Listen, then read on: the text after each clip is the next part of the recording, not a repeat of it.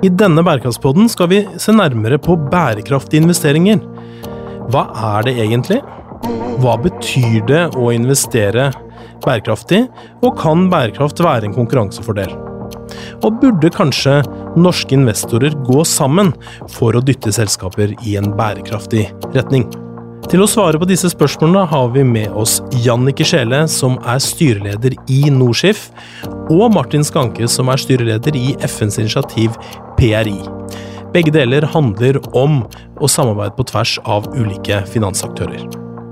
Mitt navn er Kim Gabrielli, og jeg er assisterende generalsekretær i UNCEF Norge. Vårt oppdrag er å sørge for at alle barn får overleve, vokse opp og utvikle sitt fulle potensial.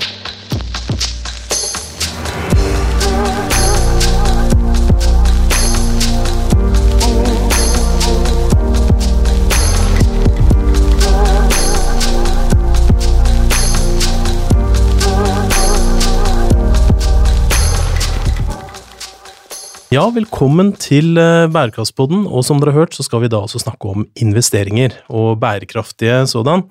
Med oss så har vi da Jannike Skjelle fra eh, Norskif, som dere hørte, og Martin Skanke fra PRI. Eh, men som de fleste av våre gjester, så har dere også en imponerende CV utover det. Så vi vil jo gjerne høre litt om det. Og så vil vi gjerne høre litt om hvorfor dere er så engasjert i bærekraft. Så jeg vet ikke, Jannik, har du lyst til å starte å si litt om deg sjøl, og hvor dette bærekraftsengasjementet kom fra? Eh, jeg jobber eh, i dag som leder for ansvarlige investeringer i DNB. Har gjort det i nærmere fire år. Og har vært i styret i Norskif, som er Norsk forum for ansvarlige og bærekraftige investeringer, eh, siden jeg begynte i denne jobben.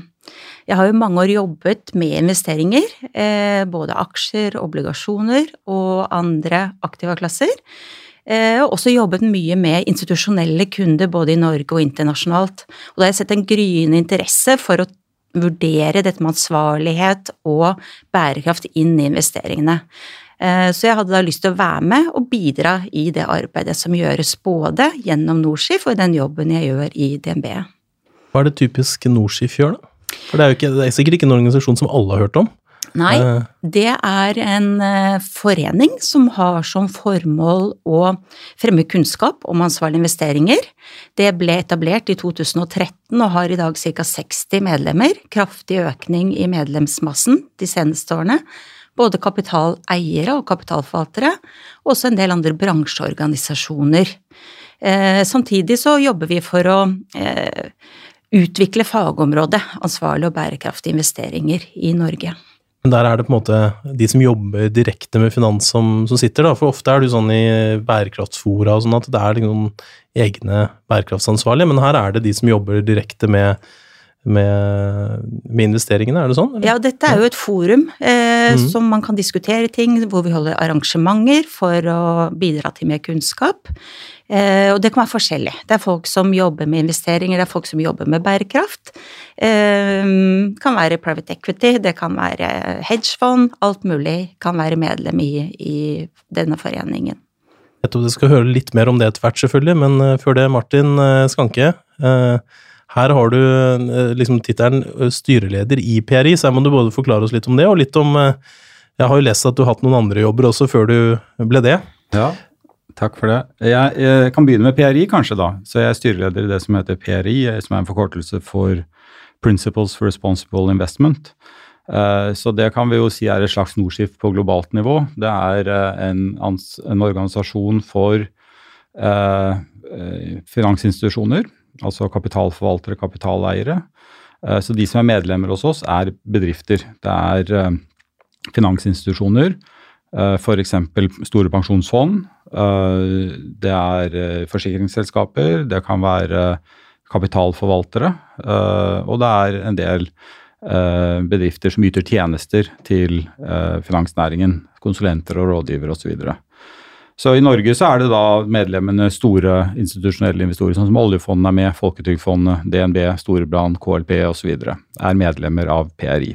Altså Det er på en måte det største nettverket av den ja, type i verden? Dette er det, det største si? nettverket av den type i verden. Så vi har nå ca. 2400 medlemsbedrifter i over 50 land. med, uh, som forvalter rundt 90 000 milliarder dollar. Så det vil si veldig mange store fond og forvaltere som er medlemmer i PRI. Uh, og det vi gjør, er jo litt det samme som Norskif gjør på nasjonalt nivå. Vil si vi har uh, måte, Vi forsøker å legge til rette for at våre medlemmer kan dele erfaringer med hverandre. Vi lager case studier på hva er liksom en vellykket god praksis, hva, hvordan uh, gjør andre det, og har erfaringsdeling på den måten. Vi arbeider med en del sånn mer policy-type ting, altså se på finansmarkedsregulering og hvordan finansmarkedsregulering kan støtte opp under bærekraft. Uh, og vi har et veldig spennende initiativ som er knyttet til eierskapsutøvelse. Det er jo slik at bedriftene når de eier, eller finansinstitusjoner når de eier uh, aksjer i en bedrift, så har de også rett til å stemme og til å påvirke uh, ledelsen i de selskapene de har investert i. noe av utfordringen der er at det hver en enkelt investor gjør med en liten stemmeandel, det har ikke nødvendigvis så stor liksom, betydning. Uh, og dette blir mye mer slagkraftig hvis investorene går sammen og, og mm. i en stor gruppe og går samlet til de selskapene de investerte i. Og Det har vi da et, en plattform som legger til rette for. Så det er en del sånne konkrete Det skal vi komme tilbake til ja. hvert øyeblikk, men jeg har lyst til å høre litt sånn som uh, fra Jannicke også, da. Du har jo jobba både i NBIM eller oljefondet og Eller Finansdepartementet, ja. ikke sant? Som, det er riktig. Så jeg hadde Jeg har før jeg begynte med disse tingene her, eh, eller parallelt med det, får jeg kanskje delvis si, så var jeg til sammen 16 år i Finansdepartementet. Jeg hadde ansvar for den avdelingen, ledet den avdelingen som da har ansvar for forvaltningen av oljefondet. Så det er på en måte Finansdepartementet i, i, er jo formelt sett eieren av oljefondet. Norges Bank er forvalter av fondet. Så det er jo da Finansdepartementet som setter retningslinjen og legger investeringsstrategien og gir et mandat til eh, Norges Bank, så det jobbet jeg med. Jeg jobbet nesten fem år på statsministerens kontor.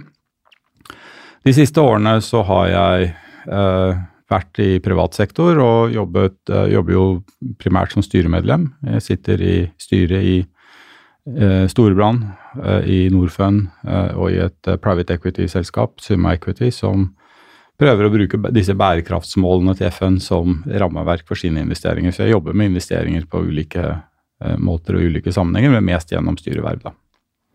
Ja, Som lytteren hører, så har vi her altså virkelig noen som kan svare på dette med bærekraftige investeringer. Og vi har hatt en eh, podkast tidligere også med, eh, om dette, med eh, eh, Asle Skreddeberget og, eh, og KLP i studio. sånn at vi skal prøve å ikke være, gå, starte helt på nytt her, men vi skal prøve å komme fram til Eh, litt løsninger, og hva er, som, hva er som trender i dag, på en måte.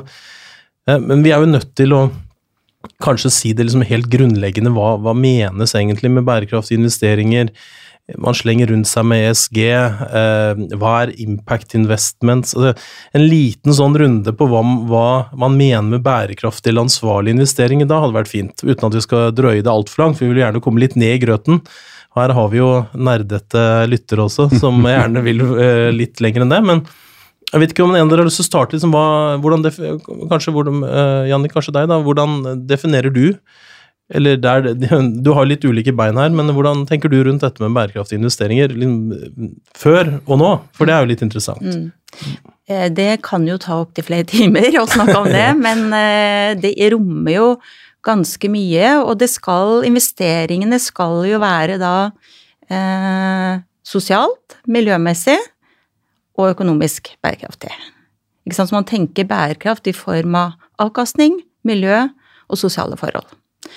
Eh, og da eh, er det etiske vurderinger, er jo de mer de tradisjonelle hvor man tenkte at man ikke skulle investere i selskaper som produserte det ene eller det andre, og at man ikke skulle være i brudd med internasjonale standarder og normer, og det skal man jo selvfølgelig ikke være. Men nå er det mer sånn at man skal bruke midlene til å få en påvirkning. Eh, altså do man, good, ikke bare do harm, liksom? Ikke ja. bare unngå å investere, men også oppnå noe med de investeringene man gjør, men også selvfølgelig økonomisk. Eh, og det er litt viktig å tenke. Og så har man litt sånn forskjellig bærekraft. Du kan tenke bærekraft bredt eh, hvor du tenker bærekraft i alt du gjør, i en bred global portefølje, eller du kan tenke tematisk bærekraftstemaer. Eh, i enkelte investeringer. Og så er det jo FNs bærekraftsmål eh, som kanskje sier noe om den retningen eh, omgivelsene tenker at vi bør gå i. Eh, og da kan du også som investor se for deg at det å ikke tenke bærekraftsmål når du investerer, innebærer en finansiell risiko for de investeringene du gjør, og for de selskapene som ikke klarer å eh, leve opp til de forventningene. Så det er jo både disse etiske vurderingene og så er det mer dette å fremover det mulighetsrommet du også har, da. ikke bare tenke risiko, men også muligheter. Så det er på en måte både risiko og impact, om du vil, ikke sant eh, Martin? Eh, eller hvordan vil du tenke ja, rundt jeg, det? Jeg, jeg, er helt enig i det Jannicke sier. Jeg liker ikke egentlig det begrepet impact-investeringer, okay. fordi alle investeringer har virkninger. Så det er mer å være litt bevisst på hvilken rolle man har som investor. Jeg tenker at det er Dels handler dette om investorenes egeninteresse. Det handler jo om å finne investeringer som faktisk vil lønne seg i en verden som har lykkes med bærekraftsmålene, som er finansielt robuste, uh, og hvor forretningsmodellen ikke undergraves av f.eks. nye krav og reguleringer som vil komme som følge av at politikerne er, uh, forsøker å gjennomføre de bærekraftsmålene. Så, så, dels handler dette om egeninteresse, og dels handler det jo egentlig om finansnæringens legitimitet det at finansnæringen på en måte skal være en nyttig næring i samfunnsmessig forstand og bidra til et bedre samfunn. Jeg tror jo ikke over tid at finansnæringen vil ha legitimitet hvis den ikke også tar den type hensyn. Så, så dette handler jo litt og egentlig dypest sett om hva er finansnæringens rolle i en markedsøkonomi. Hvilket ansvar har den, hva er på en måte en nyttig finansnæring fra et samfunnsmessig synspunkt. Og mye av den eh, og, og, og, den gode nyheten er kanskje at i veldig mange sammenhenger så mener jeg at det eh, som har stor samfunnsmessig nytte, er også egentlig i finansnæringens egen interesse. Og vi har hatt en diskusjon nå f.eks. rundt klima og klimainvesteringer. Da tenker jeg at det å skjønne klimarisiko er helt sentralt for en finansinstitusjon. Men det betyr jo også at hvis finansnæringen er gode til å skjønne klimarisiko og bake det inn i sine beslutninger, investeringsbeslutninger, så vil vi kanskje også få en raskere og smidigere og billigere overgang til et lavutslippssamfunn. Så disse tingene henger sammen. Så både, det, altså både verdiskapning på en måte og det å være konkurransedyktig. altså Norske investorer ligger vel ganske langt framme, da, eller, eller, eh, hvordan ser du på det? Ja, jeg vil si at uh, denne måten å tenke på generelt er ganske utbredt i Skandinavia og Nord-Europa. Uh, og så tror jeg det er eh, noen utfordringer i andre markeder. Litt forskjellige typer utfordringer. Um, I USA så tror jeg generelt at er, så er, det nok sånn at aksjonærene generelt har mindre makt, og at bedriftene er mer ledelsesstyrte. Så alle de forsøkene på å prøve å At aksjonærene prøver å komme med en agenda knyttet til bærekraft, møter litt motstand. Uh, og i en del asiatiske land er det litt uh, tendenser til det samme. Så det er, det er, nok noen utfordringer her som er knyttet mer til syn på hva er riktig arbeidsdeling mellom aksjonærene og ledelsen i et selskap. Dette er noe av det samme som vi i UNCEF har sett. Også vi UNCEF Norge har jo da på vegne av UNCEF-systemet gjort en slags mapping da, på hvem, hvilke investorer bør eh, liksom, Hele verden. Hvem skal da UNCEF jobbe med? Hvilke kriterier skal vi sette for å potensielt ha mest mulig positiv innflytelse? Og Da ser vi da at det er lettere å finne investorer som er mer åpne, eh, har mer konkrete ja, som du kan tikke av på, en måte på bærekraft i Europa enn en i USA, men enda mer selvfølgelig enn den arabiske delen eller asiatiske delen av verden. Men så finnes det selvfølgelig unntak også, når vi er jo opptatt av å jobbe med ulike aktører all, på alle kontinenter, selvfølgelig. Det er riktig. Det er forskjeller. Jeg vil si, Hvis vi går tilbake til PRI, jeg sa vi hadde 2400 medlemmer i over 50 land. Største, det største enkeltlandet for oss er USA. Ja. Så det er det mm. største i absolutt antall medlemmer. Men relativt til størrelsen på det amerikanske markedet, så har vi færre medlemmer i USA enn i Europa. Men det er likevel mange amerikanske institusjoner som er opptatt av dette og jobber mye med det. det markedet, de markedene hvor vi nå har eh, raskest vekst, er asiatiske markeder. Enorm vekst i Japan i antall PRI-medlemmer. Vi har nettopp åpnet i fjor, eller sommer, eh, kontor i Beijing. Og vi har nå aktivt begynt å rekruttere eh, kinesiske investorer. Eh, så dette er noe som jeg tror virkelig brer om seg, og det er i sterk vekst i mange asiatiske land. Malaysia er også et eksempel på et land hvor det nå er veldig mye interesse rundt investorenes rolle. Mm, spennende. Mm. Og det er jo litt sånn eh, som Martin sier, dette med governance eller eierstyring er veldig viktig av dette å gjøre ESG. Eh, vi oppnår jo veldig mye E og S gjennom eierstyringen. Ja, for det står for Environmental, Social and Government. Governance. Eh, go ja, var det jeg prøvde å si, ja. Governance. Ja. Eh, og det er jo det vi opplever at er veldig mye enklere når du har med norske og nordiske selskaper, og når du har med eh, europeiske selskaper, og når du kommer da til kinesiske selskaper, hvor det kanskje er viktig at det kommer ny kapital, f.eks. innen fornybar energi, innen eh, overgang til lavutslipp, eh, så er governance i mange av de kinesiske selskapene utrolig vanskelig. Eh, og helt annerledes enn det vi er vant til eh, å jobbe med. Så der må vi som investor jobbe veldig hardt i den type marked. Men det er jo litt viktig å lære seg, for det er jo midler må jo også dit hvor det trengs. Eh, og da er det utrolig viktig å være klar over at eierstyringen der ikke fungerer like godt eller akkurat på samme måte som det vi er vant til fra Europa og Norden og Norge. Mm. Men liksom, for nå, nå, peker du på dette med governance, og, så, eh, og det begynner jo der, selvfølgelig. Men hvis det er utfordrende på governance, så er det kanskje også utfordrende når det gjelder klima og miljø. Og kanskje enda mer utfordrende på den sosiale biten, som jo ikke har vært så høyt på agendaen hos mange. Eh, virker det som på oss, i hvert fall da. Eh, liksom bar, barnearbeid har vært en, en gjenganger, eh, men utover det så har det vært eh, relativt lite fokus på barns rettighet, f.eks. Hvordan mm. ser dere på det nå i Hvordan går det med S-en i ESG? Eh, det sosiale dimensjonen. Ja, litt av utfordringen med dette med EUs mm, e handlingsplan, klimafokus osv. er jo at kanskje det med S-en blir nedtonet. Men nå er det jo også sånn at mange tar med seg dette sosiale aspektet, aspektet i denne overgangen. Eh, sånn at for de aller fleste eh, så er S-en absolutt godt i stedet, og da spesielt barne barns rettigheter, inkludert av barnearbeid, har man stort sett veldig stor fokus på. Eh, selv om man også kan klare å gjøre andre ting samtidig. Så ser vi jo at DNB for eksempel, da, tilfell, ikke, ikke, tilfeldig valgt eksempel her nå, har jo da, nevner jo f.eks. Barnekonvensjonen i, i, deres retningslinjer når det gjelder uh, menneskerettigheter. Og vi kjenner det jo også fra, fra NBIM, selvfølgelig, som var tidlig ute med et forventningsdokument til mm. sine selskaper på barns rettigheter.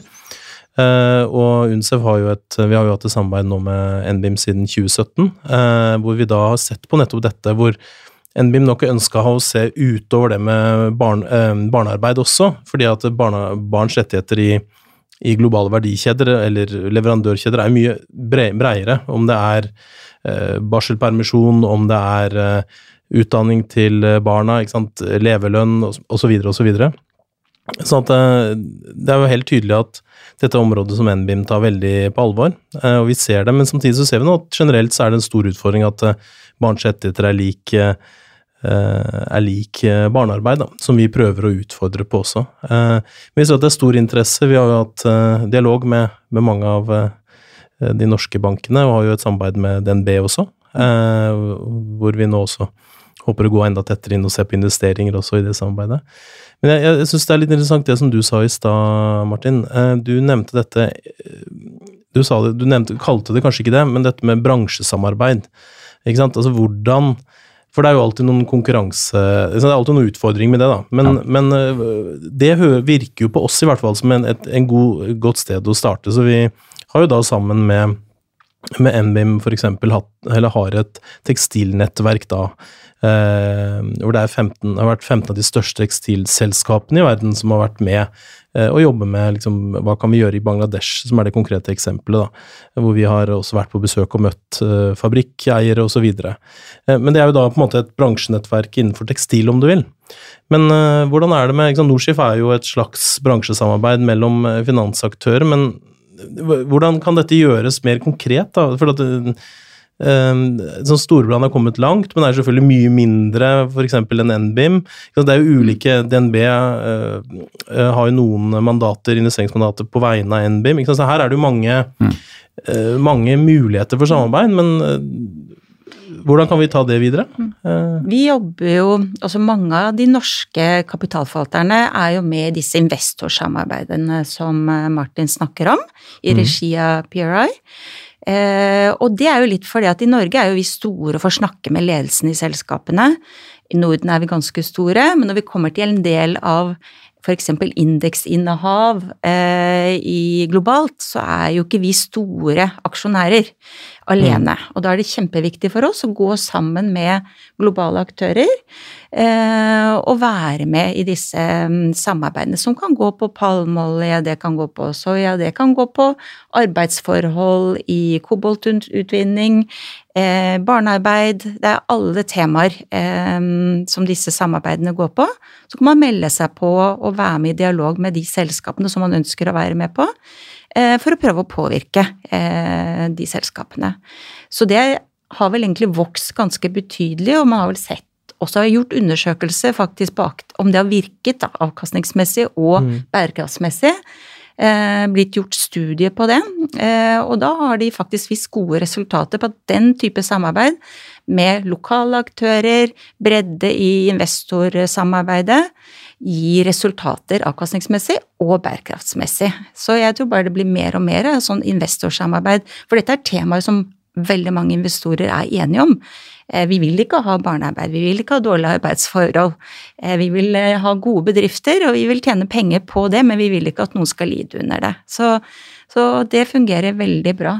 Mm. Nei, jeg, jeg, det er jo helt enig. En av de tingene som virkelig har skjedd endringer de siste årene, er jo nettopp fremveksten av mer organisert samarbeid mellom investorer om sånne type temaer. Uh, det skyldes jo da at uh, investeringslogikken til investorene er jo risikospredning. Så det å få mest mulig risikospredning, det medfører jo at man investerer bitte små andeler i masse, masse bedrifter. Eh, oljefondet har investert i nesten 10 000 bedrifter over hele verden. De er jo kjempestore. Eh, men når Storebrand eller DNB, som er vesentlig mindre, investerer, og også sprer investeringene veldig tynt utover, så betyr det jo at man får veldig liten eierandel i hver bedrift. Og det er jo normen. Normen mm. er jo stort sett at uh, for de fleste selskaper har ingen store, dominerende aksjonærer. De har mange, mange bitte små aksjonærer. Så hvis aksjonærene skal drive noe meningsfylt eh, måte, eierskapsutøvelse og utfordre ledelsen i de selskapene de har investert i, så er de nødt til å utfordre ledelsen eh, og gå sammen eh, og gjøre det på en måte globalt. Jeg tror det er det det har vokst. Men så har det jo også vært eh, Jeg syns dette eksempelet med tekstilindustrien er veldig interessant. det er jo, uh, hvis du husker tilbake, en av de første barnearbeidssakene som NBIM tok, tok tak i, gjaldt jo uh, hybride bomullsfrø i India. Uh, der var det kommet en tilråding fra Etikkrådet som anbefalte uttrekk fra et par selskaper. og så sa Uh, Finansdepartementet ja, nå har vi mottatt denne tilrådingen, men uh, vi sendte den til Norges Bank og spurte kan dere gjøre noe med dette. Så sa de ja, dette er faktisk i kjernen av det vi holder på å jobbe med. Gi oss liksom noen år, to-tre år, og så skal vi se om vi klarer å få til noen reelle forbedringer. Uh, og, og, jeg tror nøkkelen til å forstå hvordan man får det til, er litt at dette handler jo ikke om at enkeltbedrifter er slemme, men det handler om at det er systemer som er feil. Hele bransjen var bygget på en forretningsmodell som var feil. Eh, og man kan ikke endre det ved å gå på enkeltselskaper. Du må gå på alle selskapene kollektivt og si dere må samlet sett gjøre dette på en annen måte. Hvis bare ett selskap skulle gjøre dette, så ville de eh, si at ja, men vi får jo høyere kostnader, og vi kan ikke konkurrere, og da vil vi bli utkonkurrert. Eh, og de kanskje til og med har rett i det. Hvis du går til alle uh, selskapene samlet, så har de ikke den unnskyldningen. Ikke så det handler mer om å etablere bedre, strengere normer som gjelder for alle. På en måte endre spillereglene. Ikke påvirke enkeltspillere, men endre selve reglene for spillet og si at ja, men dette er ikke en, faktisk en ansvarlig måte å drive butikk på. Vi er ikke interessert i å investere i den type forretningsmodeller. Og jeg tror realistisk sett, Hvis du skal komme noen vei med den type tilnærming, så må du gå til alle selskapene, eller i hvert fall de dominerende selskapene i en bransje, og endre normene for deres oppførsel. Uh, og da må du snakke med alle, og ikke bare enkeltselskaper. Og alle selskapene må på en måte ha en trygghet for at hvis spillereglene endres, så er det ikke bare for dem, men da vil spillereglene også endres for deres konkurrenter. Så jeg tror den type investor Det er ikke bare investorene som har samarbeidet, men investorene må forholde seg kanskje mer til bransjer enn til enkeltselskaper, og prøve å endre spillereglene. F.eks. når det gjelder barnearbeid, så er det klart at der er det eh, et veldig sammensatt problem. For det er jo også inntektsvirkninger av dette. Mange familier er jo avhengig av disse inntektene. Så det er, det er et veldig sammensatt problem som krever litt sånn bred tilnærming. Og, og, og, bredere enn det man kan få til hvis én investor går til ett selskap. Men, men det, det, her er interessant, fordi at det vi det som kanskje overrasker oss noe, altså En av fordelene UNCEF har, er jo selvfølgelig at de har landkontorer langkontorer på bakken. Og i land som Bangladesh, som er stort, så er det jo flere kontorer. Eh, når vi var der nede da sammen med, med oljefondet og noen av de største selskapene, Adidas, eh, Carrefour, som jo også er veldig stor på tekstil, f.eks., Hennes Maurits, så var vi overraska over at Eller kanskje ikke overraska, men det var i en erkjennelse av at de aldri hadde møttes kollektivt med fabrikkeierne.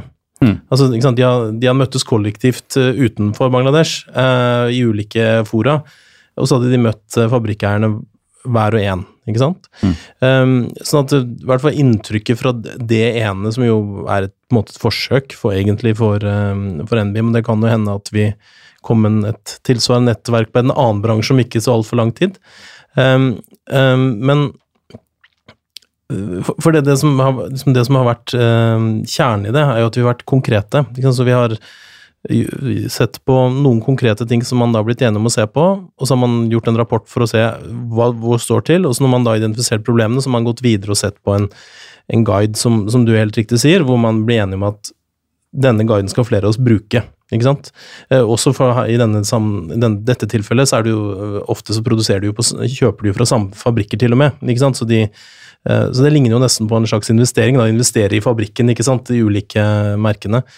Men det er det jeg lurer på, det konkrete eh, Norsk finansbransje. Eh, ja, de har eventer hos Norskif f.eks., men kunne man valgt seg ut noen bransjer hvor man sa at det kunne vært i Norge òg. Folketrygdfondet investerer jo i mange av de samme som KLP investerer i, av norske selskaper også, av de store. Eh, kunne man vært mer konkret? Kunne man hatt et valgt seg ut noen bransjer, eller liksom, Kunne man vært ja. enda litt mer konkret enn det man er i dag? Og gått videre enn å ha frokostseminar hvor man diskuterer, mm. til at man har rundbord, eller eh, ja. ja. Og det har vi jo begynt litt med, eh, ved at vi har nå en gruppe som heter eierskapsgruppe, eh, hvor vi har startet å jobbe med litt med det med TCMD, altså innføring av hvordan selskapene skal rapportere på klimarisiko og muligheter, og den finansielle effekten av det. Da har vi vært en investorgruppe med Folketrygdfondet, KLP, Storbrann og DNB, som har hatt møte med startet med de største, Equinor osv., på hvordan mm. de eh, målte og håndterte eh, klimarisikomuligheter, og gått ned til de mindre selskapene. Har vært hatt møte med f.eks. sjømatsektoren i Norge. Eh, så man kan gjøre det på flere eh, temaer. Eh, men så er det litt viktig at de ulike aktørene, altså Norskif er veldig bred, og eh, medlemmene har litt ulik tilnærming. Noen er mer eksklu ekskluderer, andre alle, eller alle er jo på aktiv eierskapsutøvelse. Ja. Eh, men det er litt forskjellig. Noen er aktive forvaltere, noen er passive forvaltere. Sånn at vi må liksom ivareta at man har litt forskjellig tilnærming også. Men det å prøve påvirkning sammen på eh, temaer, det er noe vi kan få til. Og det å ha rundebordskonferanser, sånn som en del NGO-er nå inviterer til, det er en god idé å ha mer av. Eh, men vi har jo en del sånn paneldiskusjoner og disse, når vi har arrangementer, så er det jo tanken at man skal diskutere ting. Men kanskje mer mm. systematisere det er en god idé. Mm. Jeg, tenker, jeg, tenker, både det, altså man ser jo tendenser til knytta til havplattformen også, uh, har jeg forstått. Uh, til UN Global Compact, og, og, hvor Norge er veldig engasjert også.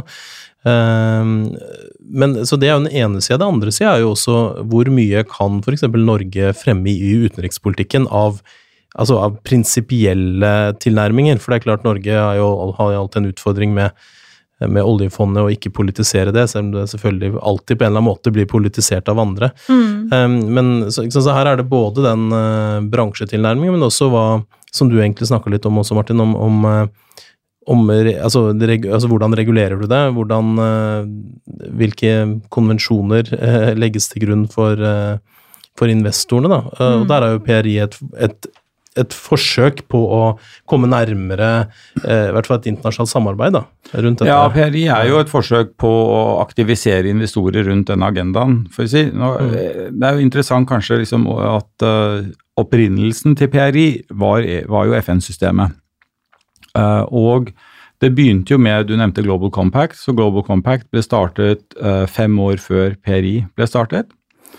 Uh, og Global Compact var jo et forsøk på å etablere en del standarder for hvordan selskaper skal oppføre seg på ulike områder. Og de har jo etablert på en måte et bibliotek av sånne standarder for hvordan oppføre deg når det gjelder korrupsjon og menneskerettigheter og barns rettigheter osv. Og, og nå er det kanskje mellom 150 og 200 sånne standarder som er utarbeidet av Global Compact. Så etter å ha drevet med det noen år, så uh, fant de ut at hvis de virkelig skulle få uh, fart på det arbeidet med å promotere de standardene, så trengte de jo å få investorene engasjert. Og det var da eh, FNs daværende generalsekretær Kofi Annan inviterte noen store institusjonelle investorer, deriblant da Norske oljefondet, og ca. 30 investorer, som ble invitert til å lage et sett med prinsipper for hvordan investorer kunne ta hensyn til den type ting. Og så ble det etablert en organisasjon som da er PRI, eh, som egentlig da tok utgangspunkt i disse standardene. Uh, og jeg sier at, uh, sier at, vi har en plattform for eierskapsutøvelse, altså at investorene kan gå sammen om å drive eierskapsutøvelse. Men når du skal drive eierskapsutøvelse, så må du jo ta utgangspunkt i noen forventninger, noen standarder. Hva er det rimelig at et selskap gjør? Så en måte å tenke på det er at vi har laget selve plattformen for eierskapsutøvelse, mens Global Compact har laget de standardene som brukes for, eh, som utgangspunkt for eierskapsutøvelse.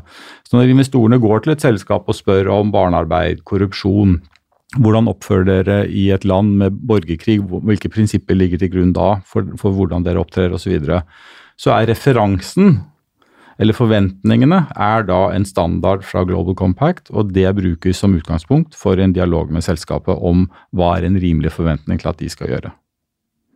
Nettopp. Jeg tror jeg skal dra oss litt tilbake igjen mot slutten av podkasten her. Hva, hva tenker Altså to, to, ting, egentlig. Det ene er eh, litt trendene framover. Hvilken retning tror dere det går? Men også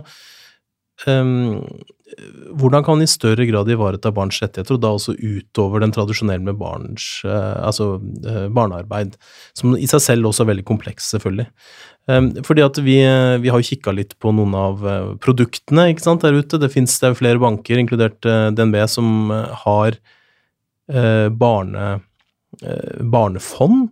ofte er jo det at man da liksom Et produkt som kundene da kan bruke til å sende inn penger, sånn at når barnet blir eh, voksen, så har de penger. Barnetrygden, f.eks. Men uh, ofte så ser man jo da at man ikke nødvendigvis har tenkt så mye på hva de pengene investeres i. Uh, et annet eksempel jeg var litt nysgjerrig på, er jo uh, Sparebankstiftelsen. Jeg vet ikke om, den, om dere investerer på vegne av dem, eller hvordan det fungerer i DNB. Så liksom, Det er litt interessant hvordan For én ting er da avkastelsen, altså pengene som kommer ut, brukes jo til aktivitet for barn og unge, men men hvordan har man da har man satt kriterier for eh, mm. barnevennlige investeringer, da, om du vil? Mm. Um, så jeg, hvis vi kunne kanskje begynne litt med barns rettigheter og, og den biten, og så avslutte på hva, hvor, hvilken retning tror dere mm. det, går? Det er jo viktig å presisere at alle investeringer, når du nevner DNB, alle investeringer har jo strenge krav til dette med barne, barns rettigheter. Og det går også ut over barnearbeid. Det går jo på levevilkår for familien, det går på utdanning, det går på levelønn for Ja. Eh, sånn at det, det, gjelder jo alle investeringer. Og disse barnefondene, det er jo flere eh, grunner til man har kalt det det. Det er jo fordi at eh, det skal være god diversifisering, lite finansiell risiko, men så skal de være også etiske. Eh, sånn at man ivaretar jo mange mye flere produkteksklusjoner, f.eks. våpen istedenfor bare mm. kontroversielle våpen. Så eksklusjonslisten der er jo betydelig større enn det den er. Ikke sant? Det er ikke noe alkohol, det er ikke noe gambling, det er mye eh, mer etiske eksklusjoner. Eh, og så skal det ikke være for dyrt fordi du skal sitte med det fondet over lang tid. Og så kan man jo også nå integrert dette med klima, ikke sant, for dette er jo barn som skal ha disse pengene når kanskje det er eh, mye lavere klimagassutslipp. Skal de da ha, være veldig investert i eh, det som forurenser? Kanskje ikke. Så, så, det er jo sånn man tenker. Men dette med barns rettigheter, det er noe eh, alle de store kapitalforvalterne i Norge har strenge retningslinjer på. Um, og så er det selvfølgelig måten man gjør dette på. Uh, det er jo flere selskaper som ikke man har investert i, og så er det dette med aktiv eierskapsutøvelse. Og sånn som du nevnte jo Hennes og Maurits, det er klart at det er et selskap som mange kapitalforvaltere i Norge har jobbet med i mange år, og de er i en veldig skitten sektor. Til tross for at uh, Hense og Maurits blir sett på som litt dårlig, så er faktisk det blant de bedre innen sin sektor. Uh, og det går litt på det Martin sier, at man må utvikle standarder og kanskje få noen til å dra lasset litt og sette noen nye standarder. Så går det ikke alltid så fort. og Da må man pushe mer på. Og så blir spørsmålet da skal man ikke investere i selskapet. Hva skjer da hvis man ikke investerer? Eller skal man sitte og, og pushe uh, så mye man kan? Eh, og prøve å involvere flere investorer inn i dette arbeidet. Og Dette ligner jo, altså når så Hennes Maurits er et godt eksempel også når det gjelder UNICEF. for vi, UNICEF ble jo partner med, med Hennes Maurits rett etter at det var funnet barnearbeid da på 90-tallet i mm. deres uh, verdi, altså på deres, de fabrikkene de mm. henta varer fra. Uh, og det tror jeg nok at vi er veldig enige i. Liksom, aktiv eierskap, observasjon som NBIM ville kalt det, eller både aktiv eierskap og eventuelt å sette noen under observasjon når man oppdager ting som er veldig alvorlige. Å Prøve å endre det er nok en bedre taktikk enn å på en måte boikotte eller selge seg ut mm. av et selskap. Samtidig som vi ser jo at um, vi noen ganger er litt overraska over uh, det er ikke sånn, I hvert fall når man har veldig store investeringer, så er det noen uh, selskaper som, som, er mer utfordrende når det gjelder barns rettigheter enn andre mm. deler av selskapet. Et, et, eksempel som er ganske kjent, da, for vi pleier ikke å name and shame, men et eksempel er Nestle, som investerer veldig hardt uh, i markedsføring direkte mot uh, mot mødre av morsmelkerstatning til mødre som ikke trenger det. Mm. Så det har vært en lang diskusjon for UNICEF og Nestle i mange år, å se om kan man gjøre noe med det. Eh, og Der finnes det jo da eksempler på barnefond i Norge som investerer i Nestle. og Da, sant, da bør man jo stille seg spørsmål hvilke kriterier har vi da satt for det. Mm. Og så er det jo selvfølgelig sånn at eh, NBIM, som er vår samarbeidspartner, er en av de største investeringene, også Nestle. Så vi sier jo ikke at her skal man trekke seg ut eh, fordi at man investerer i et mm. eksempel som dette, hvor en liten del kanskje, eller en mm. større del av bedriften går direkte ut, potensielt går direkte utover barn. Men den bevisstheten rundt at barn barns rettigheter er noe mer enn en eh, barnearbeid, opplever vi nok litt sterkere enn jeg hørte du si nå, at det fortsatt er en utfordring også i Norge, da. Eh, for man tenker ofte på tekstilsektoren, ikke sant, hvor som er helt riktig er kanskje den beste aktøren. De gjør kanskje mest riktig av alle de store tekstilmerkene. Mm. Eh, men det er også forhold her hjemme som går direkte på barns rettigheter. Og det er markedsføring av eh, produkter med, med barnebilde på, f.eks. Eh, som tidligere liksom, Leverpostei og såpe tidligere ble gjort på en helt annen måte.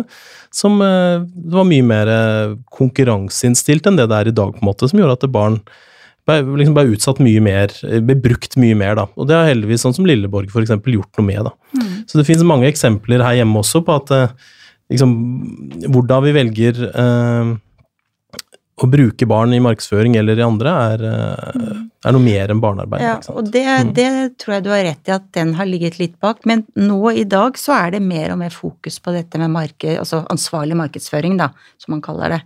Eh, at du ikke skal markedsføre ting mot unge mennesker, eller ja. Så jeg tror det kommer mer og mer av det, og det er litt det du snakket om eksklusjon kontra aktiv eierskapsutøvelse, og hvilke trender ser vi? Det vi ser veldig i trender, er at vi i større grad, vi, alle kapitalforvaltere som forvalter midler for andre, vi må i større og større grad fortelle og vise hva vi faktisk gjør mot selskapene, og hva vi opp, oppnår. Så vi må rapportere eh, til medlemmer, det må være mye mer åpenhet om det, som kommer nå i de nye reglene, om hvordan vi jobber med den aktive eierskapsutøvelsen, sånn at man ikke bare kan si at man gjør noe, at man faktisk må vise hva man gjør, og hva man oppnår.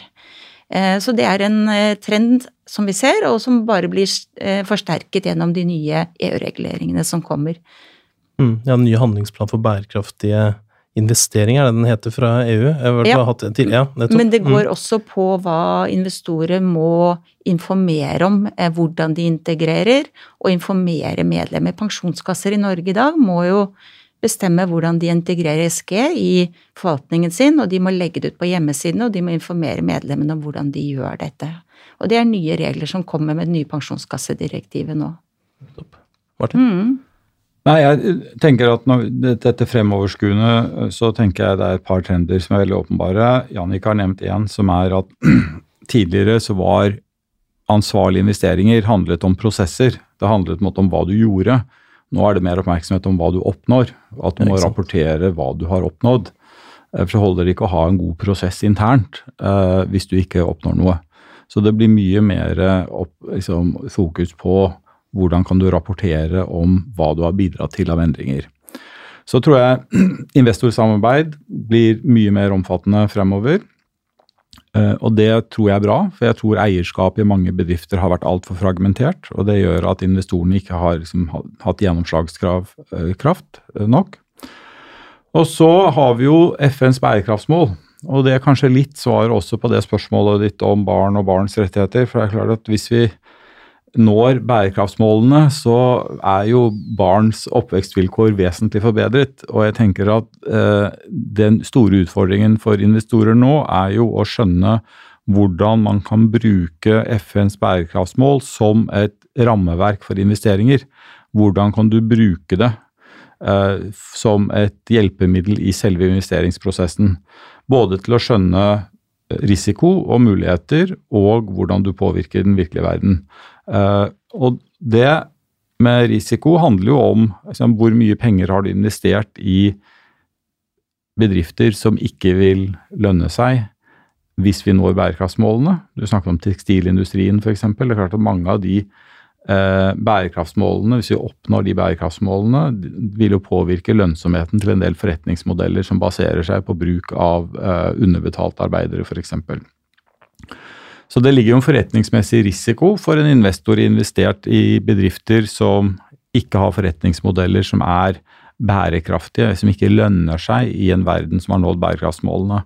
Men så er det jo også sånn at for å nå bærekraftsmålene så må det investeres uh, veldig mye, med kanskje mellom 5000 og 7000 milliarder dollar per år. Det jo, betyr jo også at det er enorme investeringsmuligheter i dette skiftet.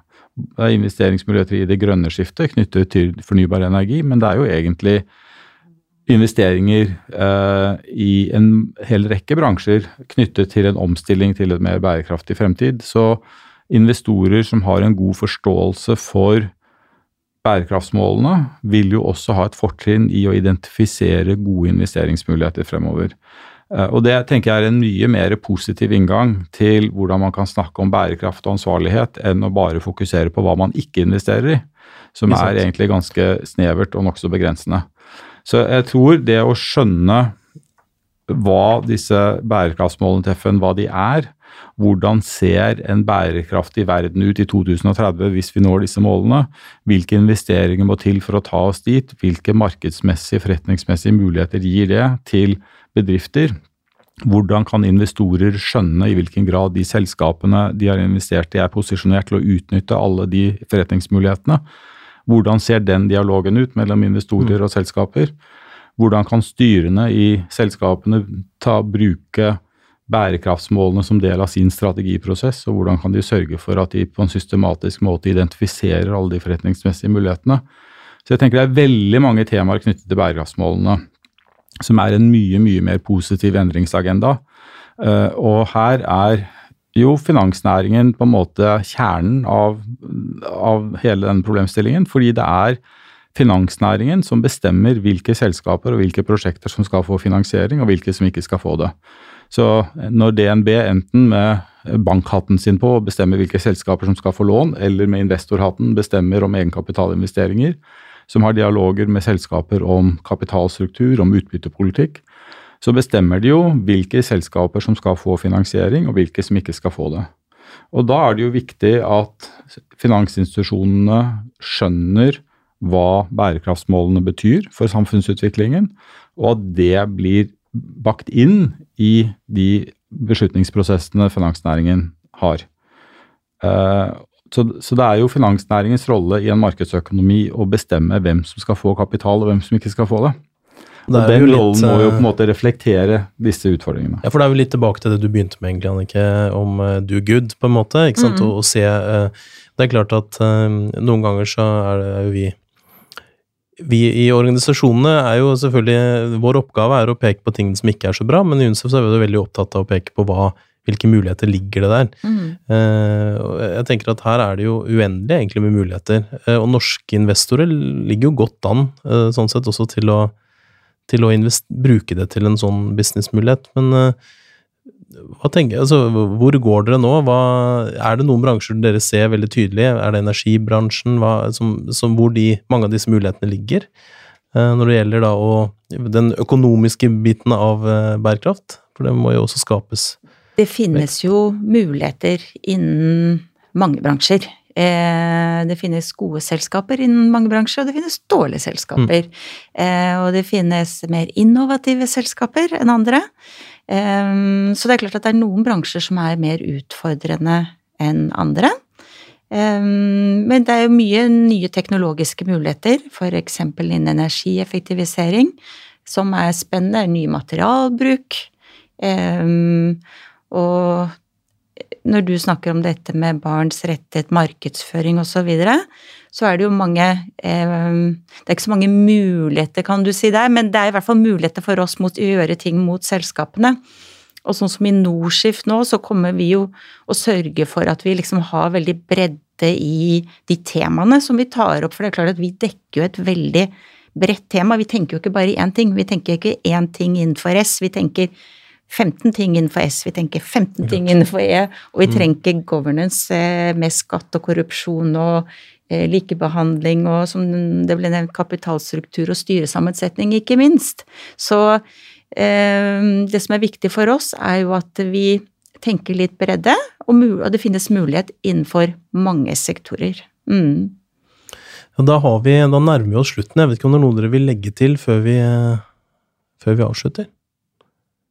Syns vi har dekket ganske mye, jeg. Ja. Så, men jeg, men jeg, kan si sånn, slutte på en litt sånn optimistisk uh, tone, så vil jeg si at uh, det har vært en enorm økning tror jeg, i bevisstheten i finanssektoren de siste årene. Uh, særlig kanskje rundt klimaspørsmål, men også vil jeg si rundt andre spørsmål. vi spør jo i PRI medlemmene våre nå hvert år hvilke saker de vil at vi skal prioritere. De tre eller fire siste årene har klima vært på topp av den listen. Så det er enormt trykk uh, på klimaspørsmålet fra institusjonelle investorer, og det tror jeg trengs. Uh, for der er det jo veldig knapt med tid hvis vi skal snu den utviklingen vi er inne i når det gjelder utslipp. Uh, og så har vi begynt en veldig spennende diskusjon i, blant institusjonelle investorer om bærekraftsmålene mer generelt. For klima er jo ett av 17 bærekraftsmål. Uh, og jeg tror det begynner også å bre seg en erkjennelse av at vi kan ikke nå ett bærekraftsmål på bekostning av de andre. Så det handler ikke bare om å nå klimamålene, men vi må nå klimamålene samtidig med at vi når de andre målene. Uh, det gjør jo hele diskusjonen mer krevende, men jeg tror det er en erkjennelse som begynner å vokse hos investorene, og nå ser vi at de går for fullt inn i å se på hvordan de kan bruke bærekraftsmålene som et rammeverk for sine investeringer. Så det er veldig mye som ikke går så bra i verden, uh, særlig da på klimaområdet når det gjelder utslipp. Og utslippsutviklingen er jo dessverre negativ. Utslippene økte i 2018, uh, eh, og raskere enn før. Så vi er jo ikke på vei sånn sett. Uh, vi er ikke ennå på vei nedover i utslipp. Men det er i hvert fall noen eh, områder hvor det er bra ting som skjer. Og akkurat innenfor det som skjer i, blant investorene så føler jeg at det er veldig mye positivt som skjer nå. Og ikke bare i Nord-Europa, Norden, men faktisk i USA og ikke minst Asia, hvor dette nå kommer for fullt. Og du vil legge til, Jannicke? Ja, nei, jeg er helt enig i det. For det har jo gått veldig fra en verden hvor man har hatt folk som har jobbet med S og E, miljø og sosiale forhold, på siden av forvaltningen. Eh, og hvor Norge og Sverige lå veldig i forkant, og Europa og USA ikke så på dette i det hele tatt. Til nå har Europa virkelig tatt fart og gjort et kvantesprang, men de tenker jo veldig mye mer dette med aktiv eierskapsutøvelse. Men også nå at det er forvaltere som sitter og tenker EOS, det er de som sitter og tar investeringsbeslutningene, som eh, tenker eh, bærekraft. Muligheter, risiko. Og det gjør jo at det får mye mer effekt enn om det sitter noen på siden og napper ut aksjer, og forvaltere blir litt småirriterte for det blir reduserer universet. Så det er mye mer kraftfullt nå når forvalterne ser at dette er viktig for meg i min forvaltning, og ivareta disse verdiene når jeg skal forvalte. Med den positive tonen så nærmer vi oss slutten. Eh, som eh, dere hører, så kunne vi snakka enda lenger om dette, og det skal vi faktisk gjøre under Arendalsuka. Så da kan dere glede dere til eh, et arrangement 15. august eh, fra klokken 12 eh, til 1, hvor vi også skal snakke om bærekraftige investeringer og barns rettigheter, med bl.a. Norfund, Storebrand og DNB. Så det blir en spennende arrangement som vi kan anbefale, som også er neste uke. Hvis du ellers vil lære noe mer om, om bærekraft, så kan du gå inn på unicef.no slash bærekraftspodden. Med det så sier vi tusen takk for i dag.